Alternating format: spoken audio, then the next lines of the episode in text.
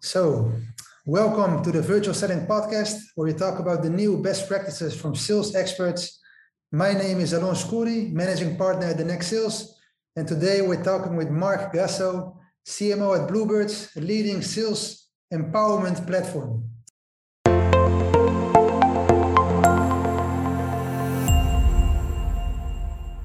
So, Marc, as you're also the, the co-founder, um, can you maybe share a little bit of the story behind Bloobirds and give a quick overview of what your guys are, are doing? Yeah, yeah, for sure. And first of all, thanks, thank, thank you guys for having me. so, uh, yeah, long story short, Bloobirds is a uh, we like to say that we are the next generation of sales engagement. It's a platform made for prospecting, for prospecting sales reps, so SDRs, BDRs, you name it. Um, and let's say what we do here at Bloobirds uh, is, uh, again, as I said, is a prospecting platform that assists and help SDRs become more successful. I know that this is kind of the promise that any sales engagement um, um, have in mind, but what we do, we believe that prospecting is about assisting the sales rep. It's not about automating everything, but about assisting the sales rep and helping them in every stage of the prospecting process. So this is pretty much what we do here at Bloobirds. I understand. So that's interesting that you say that it's different than a sales engagement platform because there are a lot of those out there. I know, for example, uh, Outreach, SalesLoft, those platforms, right? You say that yes, you're different. Exactly. You are different than all those platforms, right? Um, well, we are a bit different. Yeah, we are. We, we share the same space, and they're all amazing platforms. I, have actually been using them for a while.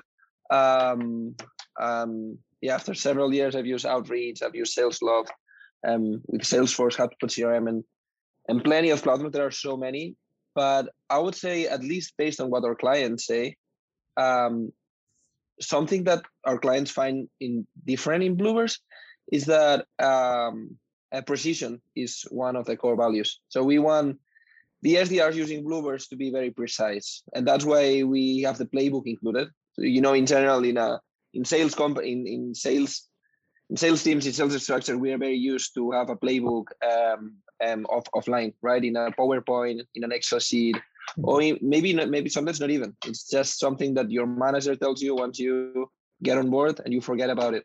Uh, you forget about who's your ICP, your target persona, the best, the best uh, tactics, and the best, yeah, sales playbook um, stuff. So something that we did at Bloobirds that I think is a bit different from what other sales engagement platforms do is integrating the playbook within the platform. So again, it's not something that's in a PowerPoint offline or in an Excel sheet. It's something that you see all the time. You yeah. you see who's your target persona, who's your target market, what is the best sales cadence, what is the best messaging, what is the best qualifying question to ask depending on target persona and target market, and you don't need to remember, or even worse, you don't need to make it up. So you just you just see it in front of you. That's that's very interesting, and I like that part a lot. And I wanted to talk a little bit more about the playbook uh, later on in this podcast because it's so important. Because, like you say, uh, sales. Let's say somebody gets onboarded at a company, they teach him everything from A to Z, the playbook, how to play in each step of the, of the game, and then you start your sales role and you just forget about everything and you start going with the flow. And especially okay. when you're a sales leader, you have like 10 SDRs and everybody is doing something else. And that's not something exactly. you want as a sales leader. So no, talk, totally.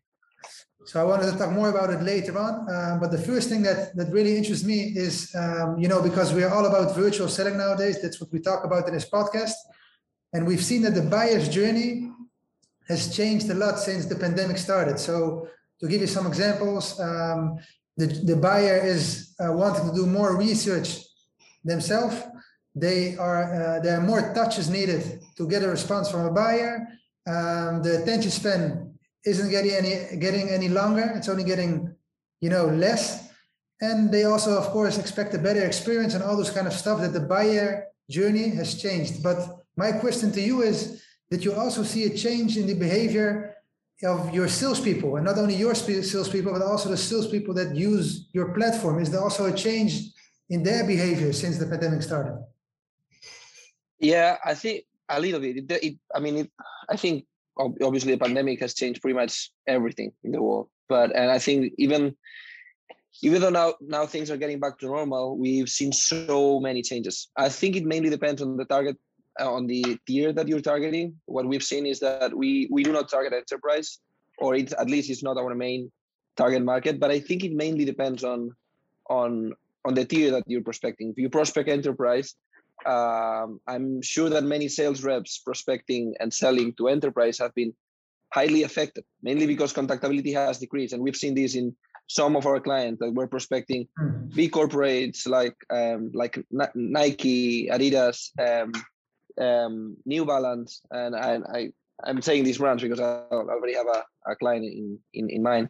And when prospecting these kind of big corporates, uh, contactability has been reduced mainly because they cannot call uh, to the office anymore. Um, many of these companies have um, moved all their um, workforce uh, and now they don't have them um, in in house. Now everything is remote, and I would say um, among many other stuff, this has been one of the things that have been more affected. Um, companies that were prospecting and selling to enterprise.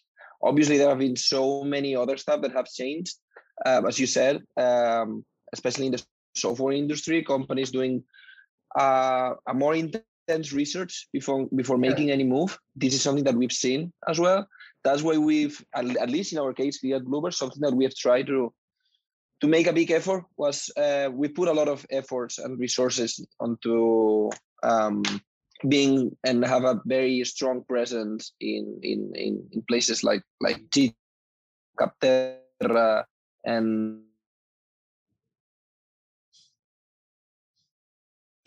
again we know for a demo they want to compare they want to one one moment, Marc. Just my... what's out there they want to see the people say. So uh, sorry.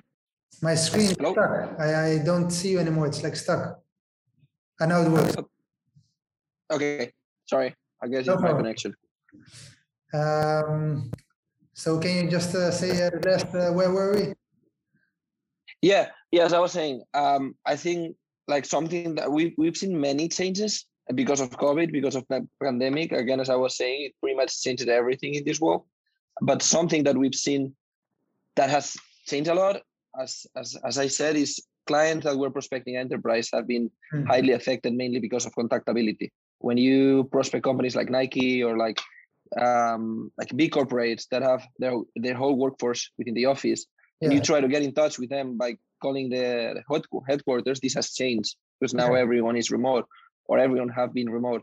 So we've seen that uh, clients prospecting and selling to big corporates have been highly affected. Again, mainly because of contactability, especially to, the, to these ones that were doing outbound outbound sales. And and then something that you already mentioned, like um, companies doing uh, a more intense research before yeah. making any movement. And, and when I say movement, I'm talking not just about buying. I'm talking also about just asking for a demo. Yeah. Now, before I and I am I'm also I'm a software buyer too. Before asking for a demo before even buying a software, I just want to make sure first that I'm not going to waste my time. I want to make sure that other people have bought it first and they've liked it. I want to make sure that the reviews are are positive. And long story short, I want to do a proper research before I'm wasting my time in a 30 or 40 minute demo. I totally agree with you. I'm also uh, the same as you. I do my research. When uh, we are also a small company, we, we when we buy software, we don't just book that demo, even if we are very interested. We must do our research uh, upfront. So uh, I'm totally there with you. Um, but did you also see like a change in the behavior of the salespeople in regards to? I will give you an example. Um, I've spoke to some other people on the podcast, and they said, for example, that a lot of salespeople they now have kind of excuses to not to call their prospects. So they they prefer not to call them on the phone because they think, yeah, my prospect is at home with the family, and I'm calling him, and then you know I prefer to send them another yeah. email, another LinkedIn message. So what we see of a lot yeah. of young SDRs, they don't like to take up the phone. So did you see also kind of a change in, in that kind of way? Like we saw this behavior. Yeah, we saw this at the beginning. And I think, I mean, it's fair to assume that it wasn't an excuse, like the bad sense, but also it was a real excuse, I would say, but it's not anymore. But it's true that we saw that. But I, I don't think it's only because of because of COVID and because of this situation. I think, at least for us, um, phone phone is our top converting channel. But for some reason, and not for some reason, I think we all know the reasons. It's at a channel that most of the sellers are more afraid of. Um, people don't like calling. Like you can say that you love. I mean, some people would say that love cold calling. Some people would say that they love prospecting and doing outbound calls. But I think that at least for ninety percent of, of sales reps, they would rather send an email or a LinkedIn message and see what happens than just picking up the phone and and dialing. So, but I think yeah, as you said, I think that this all this whole situation has made the excuse of not calling a stronger a stronger excuse, and we have tried to avoid that just by showing stats and results. And we we have this very clear at Bloobirds, and in our case, and we see this also with the, the data of our clients. Um, phone is the top converting channel by far.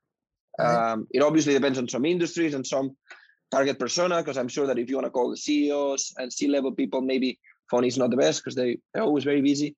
Yeah. But in general, on average, I would say that phone is definitely the best converting channel. And and it's also the, the not not the most used. So yeah, some something definitely needs to be changed.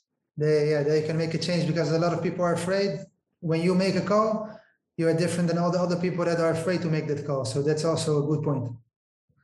Uh, yeah, so yeah, no, no, and I'm I'm also the first one. Like we we uh, here at Bloobirds we have this this thing once a month called prospecting prospecting day, and we all prospect not as not only SDRs but marketing prospects, customer really? success, cold cold call. So we all call. Uh, I mean, the revenue and the customer success team, we all cold call, and it's not easy. And I'm I'm including myself here. It's not easy to pick up the phone and call someone that has never heard your name before.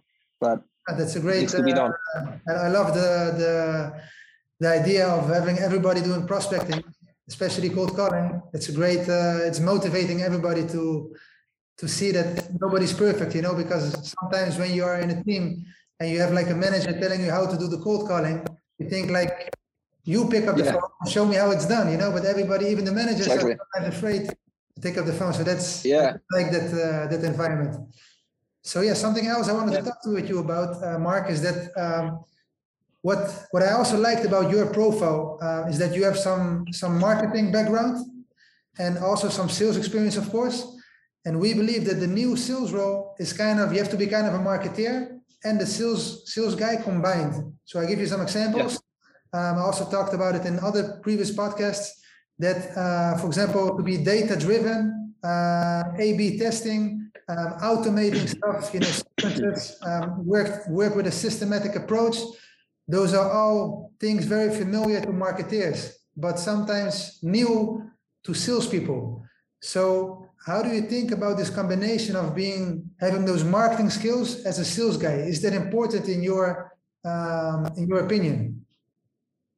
Yeah, it is hundred percent like for example the thing that the goal that i have here at bloobirds and it's the goal that i would recommend any cmo marketing director or, or head of marketing is um, instead of just focusing on on on on metrics like leads traffic views and shares um, i i always have one one metric in my head which is opportunities slash meetings so um, no matter how many leads i generate or no matter how many traffic we got if at the end of the month at the end of the week we're not getting meetings for the sales team. So um, that means that I either have some sales development skills or uh, I mean some um, or I need to change something, right? Because I could I could be generating plenty of, of, of leads from this webinar, plenty of leads from this case study that if then our sales development team, our prospecting team, our sales team are not converting all those leads into um, meetings, um, it, it's it's worthless. Yeah. So um, I would say that something that I think is important for marketing people and also for sales people. I think that nowadays sales people are becoming more marketeers and marketeers are becoming more salespeople. Uh, but I still, we still see in many companies that these teams are very, are. I mean, marketing is isolated somehow. Um, so I think this is something that needs to change. Um, I don't know if it, I don't know if it's marketing that needs to change or sales need to change or we're gonna in the future we're gonna find more hybrid uh, sales marketing people. But um, I think it's not very common find uh, marketing people with sales skills, and I think it's exactly. definitely one of the most important things. And even if you don't have sales skills, but at least having the sales mindset of um, I'm I'm here not because I need to generate leads. I'm here because I need to generate opportunities for my sales. So it's not just about skills; it's also about mindset. I would say. Yeah, that's that's totally true. The mindset, and that one is, I think, the most important because you know, salespeople, they always think about making that meeting, booking that meet, meeting, but it's not always happening in, in one call or one great email. And when you're a marketeer, you think in, in processes, funnels, pipelines, those kind of stuff. That's normal for you. So I think that yeah. people need to think like a marketeer and of course act like a seller. But if you don't have that data-driven approach, for example, like I said, uh, that's also important in my opinion that, that it, uh, for example, you test something, if it works out, then you go on that road. But if it doesn't work out, then go on another road. So don't be just doing one thing for your whole career. Do some A/B testing and check on a, for example, on one of your dashboards that you have to see what what works best based on data and not on a gut feeling that, that you have as a sales guy. So I yeah. think it's really really interesting the, to have the mindset of a marketeer. I think that's super important for the for the new generation of salespeople or the new sales yeah. salespeople. Yeah, totally. Um, so yeah, that's uh, now we, I wanted to talk with you about uh, the most interesting part. What I liked about Bloobirds is the the, the playbook feature. So um, like you've said before, a lot of SDRs, also sales managers, they have a playbook, uh, especially when they onboard new people. They teach them how to do every step of the sales process. But eventually, like also in my experience, when we teach and train a lot of B2B sales teams uh, on their own playbook, how to use them, we see that nobody uses them. Their own playbook, they invest so much time, so much money in creating those playbooks, and eventually nobody uses them. Yeah. So exactly. can you tell like a little bit more about how crucial this playbook is for success as an SDR and as a sales manager, how crucial is it to have a playbook in the process for every prospecting uh, SDR? Yeah, sure. And and first, I think it kind of explains quite well the reason why we've created this concept of playbook in app. And it's mainly because I've been using Salesforce for a while. I'm sure everyone is familiar with Salesforce. I've been using Salesforce with with other sales engagement tools. And the thing is that at some point, especially when you have a big team of SDRs, when I was Redpoint, um, the team of SDRs were about like 25, 30 SDRs. So it was quite a big team. And the problem is that you end up uh, uh, depending on individual talent, right? You have one SDR that is so aggressive on the phone. You you have another one that is not that aggressive, but maybe it's good at writing emails. Then you have that other SDR that have that have the perfect pitch, and hmm. that other SDRs that don't have the perfect pitch, but that know exactly the best qualifying questions to ask. So you know everyone is doing their own their own thing, their own playbook. Yeah. So you end up having freestylers and free riders, as we call them here at Uber. So yeah. that that can work if they're all amazing, right? If they're amazing, so that that works. But most likely you're gonna have some SDRs that are really good, some that are average, some that are maybe maybe they are good, but they don't know they don't know the playbook. They don't know what's working because um, they they they they uh, someone told them like first in the first first week or first month about uh, the best target persona to prospect, the best target market to prospect, about the best qualifying questions or the best sales cadence, but uh, eventually you forget about it. So um, if you have if you have a playbook every day, six hours a day, telling you, okay, so this is the target persona that you need to prospect, this is the conversion rate with this target persona, this is the target market, this is the kind of company that you need to add, this is the best sales cadence for this guy, this is the best pitch. This is what you need to ask. This is the email that works best for this guy. I'm not just talking about email templates. I'm talking about also like the pitch that you use the pains that you mentioned in a phone call. All these things if you don't have them in front of you every day six seven eight hours a day um, eventually you will forget. Or you will or you will just use the ones that you think that work right? I but um, something that we think was something that needed to be solved somehow was um, um, making your team consistent, not in terms of just process, in terms of like, um, okay, I schedule the meeting, I send the meeting to the account executive, the account, not not just in terms of process, but also in terms of like playbook and strategy. We obviously at some point there's also kind of this um, individual talent that that that that will raise at some point, and and and and it's, ob- it's obviously necessary because sales reps are not robots, but um, somehow we try to make sales team more consistent and not depending only on individual talent. So this is what we try to achieve with having a playbook included in the platform and not in an Excel sheet on a PowerPoint. Very interesting point, the consistent part. It's very interesting because I know that what you say as well. It's like the 20-80 rule, like 20% of your SDRs make 80% of the profit for, you know, you can cut out 80% Exactly. still. So um, I agree with you that the playbook helps to get the other 80% on the same page as those 20% that, that are doing a great job. And it's also Yeah. for an SDR, I think it's giving him some peace of mind to know what I should do the next in, in each step. Because if you have to think about every step, even though you did it before, you still have to think again, like, what should I do now? When you go home and you think, should I approach him like this or like this? If you just have it in front of you every day, every day, that's important to have it top of mind, then it will make a difference and you can be way more Yeah. No, and especially when you have, I mean, I, I again, like everything, right? I mean, it ob- ob- obviously depends on the company. When when you have a complex playbook, when you have, I don't know, more than ten different target personas, when you have more than ten or fifteen different pitch for each persona, and there's no way that a junior, a junior sales rep can remember that. Um, but it's because it's not their job. To remember, their job is to be the best sales rep they can. But there are so many things that are going to be completely new to them.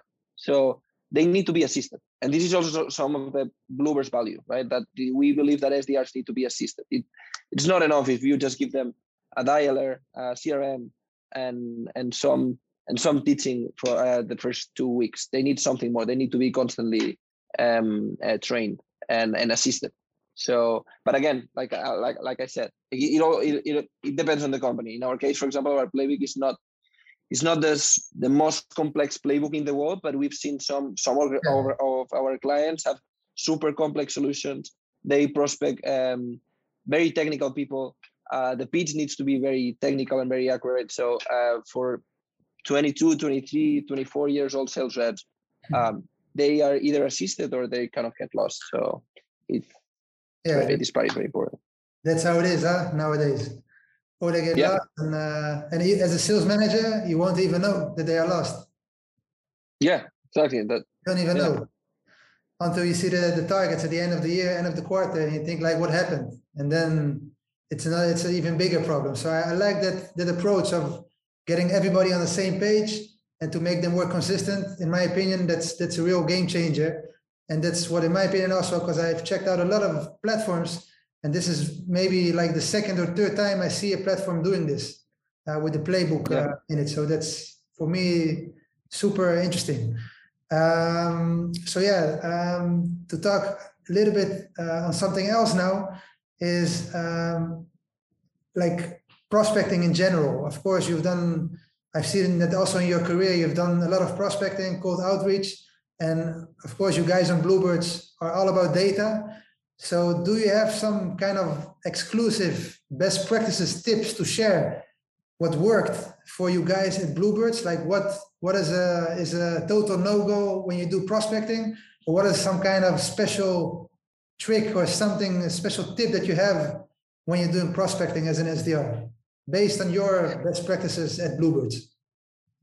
Yeah. Um, yeah, good question. I mean, obviously, I have, I there are plenty of things that, of tips and and advice that, that that we can talk about. But I would say, aligned with um, with the conversation that we're having, I would say that being precise and being precise uh, translate into in in our case something that I like doing before making any cold call is spending five minutes on that um, link uh, prospect LinkedIn profile and not just checking um, his or her or her last name and the company and and and his or her background. I'm also talking about checking his activity, um, seeing also stuff like there are so many things online nowadays that you can use. Just to give an example, when we call someone, uh, we know if they're hiring SDRs. We know if uh, if they run LinkedIn ads. We know if uh, the uh, reviews that they have in G2. We know if they have recently raised money. We also know the uh, the events that they are attending, and obviously that's very time consuming. I agree with that. That it's time consuming, but at the end of the day, it allows you to be more precise. And there are so many of these things that some that men that people don't do that is so helpful. For example, again, to use the same example, we we before calling, if we can, because it's obviously not something you can find online, but if you can, we want to know the CRM that they use. We want to know, as I was saying, um, people that they're hiring.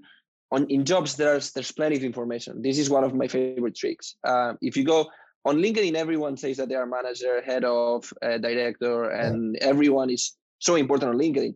But if you go into the job description, and uh, so if the company is hiring and they have job openings available on LinkedIn or on their careers page, you can find, I mean, you can find gold in there in terms of information. There's a lot of information in job description because you, in there, nobody's gonna show off about uh, in a job description, right? In a job description is the reality. You're gonna be doing this, this, and that. So there you find sometimes you find the CRM that they use, the tools that they use. You found about their tech stack. You find about the specific process of the company. So there's a lot of information within jobs. So whenever I'm about to prospect a company, when I see that they have, um, I don't know, like 10, 15, or 20 job openings, no matter the uh, the department, is okay. Now this this is going to allow me to be precise. Yeah, I'm going to find a lot of information. Interesting. And this is something that I, I it's not probably it's not it's not a trick that is super secret. I, I, I assume that many other companies and many other sales reps are using it, but I've seen some companies not using it, and I think it's so valuable. So this is hmm. probably one of the tricks that I would recommend people using, using being precise and more more specifically using using job descriptions.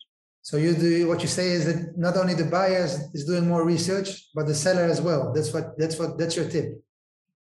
Yeah, yeah, we yeah, and, and not not only before making a, a cold call, um, obviously on account executive, we try our account executive to have plenty of information before having that meeting. But um, we want our SDRs before sending that email, before sending that LinkedIn message, or before making that that cold call. We I I also want my team to be like ready, at least have um like the ammunition of okay, I have all these things that I can mention at some point during the call if if if if if if, if, if, if I can so I can bring it up and so again, I think the only problem is that it's very time consuming. But when we talk about conversions, it's not about just having a phone call and see what happens. I think it's more about I'm gonna have a phone call and I'm gonna help this guy because I know he's using Salesforce. I know he was an SDR before. I know they're hiring. I know their sales process because of the job description that I saw. I know also about their tech stack. So yeah. this will allow you to be more precise and have a more relevant conversation. I totally agree with you. That's uh, that's the way to go to to get more into detail, hyper personalize your outreach. Um, but what you know, this is interesting because I also uh, trained some SDRs uh, within our company, and I've teach them to do the same thing. You know, doing more research and those kind of stuff. But then I've seen, for example, I'll give you one example. They did a lot of research. They know everything about the company, about the person that he likes uh, Manchester United, and they use Salesforce and everything. And then he called them or sent them an email and he got no response. And then he, he came like demotivated, even way yeah. more than without doing the research. And then he was like, ah, why did I do the research? You know, didn't answer my phone. He didn't answer my yeah. email. And then he's like, you know, the energy is going down. So how do you do that with those SDRs? How do you how do you teach them to, to that's yeah, that's a really no, that's a really good point. And it's funny because actually when we do this, it's probably one of the most common questions when we onboard new SDRs. They all say the same thing at the beginning, like, am I gonna have to do this every time I prospect a company? Because they see at the beginning that is so time consuming. Maybe they spend like 10, 15, 20 minutes doing this research. Um, first of all, the idea is that um, once you get used to it, you just do this in a couple of minutes. You just go to the website, real quick, you see that it's B2B because you see yeah. some logos. Then you go to G2, then you go to G2 Stack and see the software.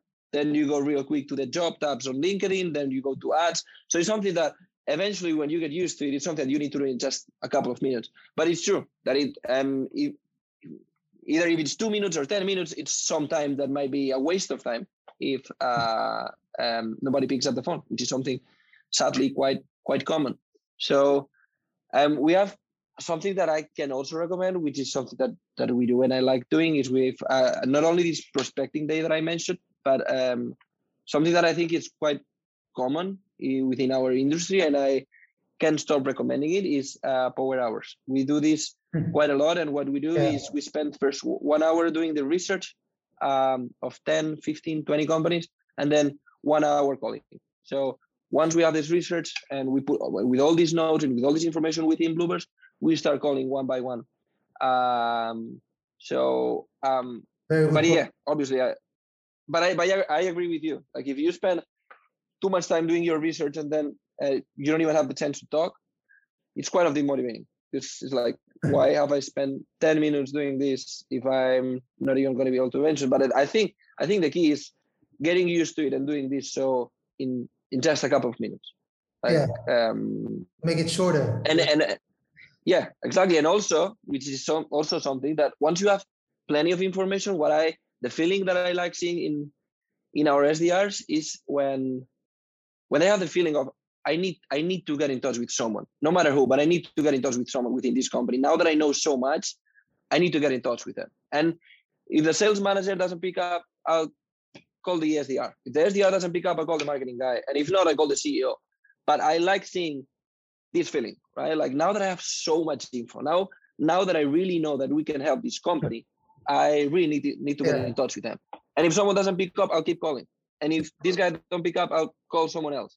And if not, I'll just call HR and I ask for a referral. So, um, so I think that when you have plenty of info, at some point you you have to be like, uh, I'm gonna get in touch with them no matter what. There there there's there's people behind this company, so I there's no way I can I cannot get passed through. So it's a very interesting point because what I understand from from your point is also that you can say I know also from my uh, experience that sometimes salespeople, you give them a, a, list of leads and you think, yeah, how can I, you know, how can I sell to this client? It maybe won't work. But when you do the research, you see that they use the CRM that you want them to use, and you you have all these pain points that you see because of your research. Then you start also believe in your pitch even more because you did the research. And some other thing that I like by myself, because I also do a lot of research when I prospect, is that you know when you have a, client and you just you see them as a as just another lead and you just you know copy paste and you do some everything in bulk you, you have no love for that client for that prospect. Exactly. When you exactly. do some research and you you put some energy in it you know when you give something you start to love something. So then you start suddenly to to like this product. And you don't even know them and they don't even know you but you did so much research and you know exactly all their their, their struggles and more inside information then it's also easier to sell to them because you feel that you kind of know them and to kind of exactly. get some, some love to them. That's that's what I feel felt.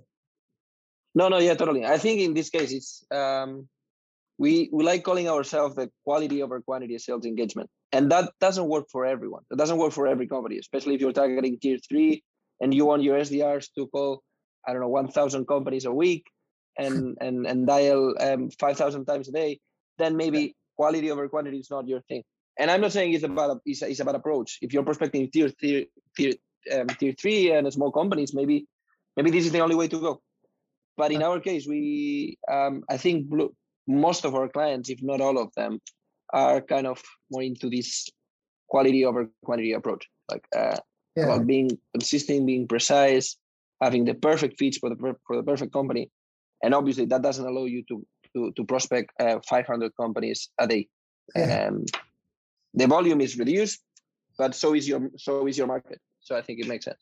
Yeah, I agree. I totally agree. So yeah, Marc, I think we're we're kind of out of time. Um, you know, time flies.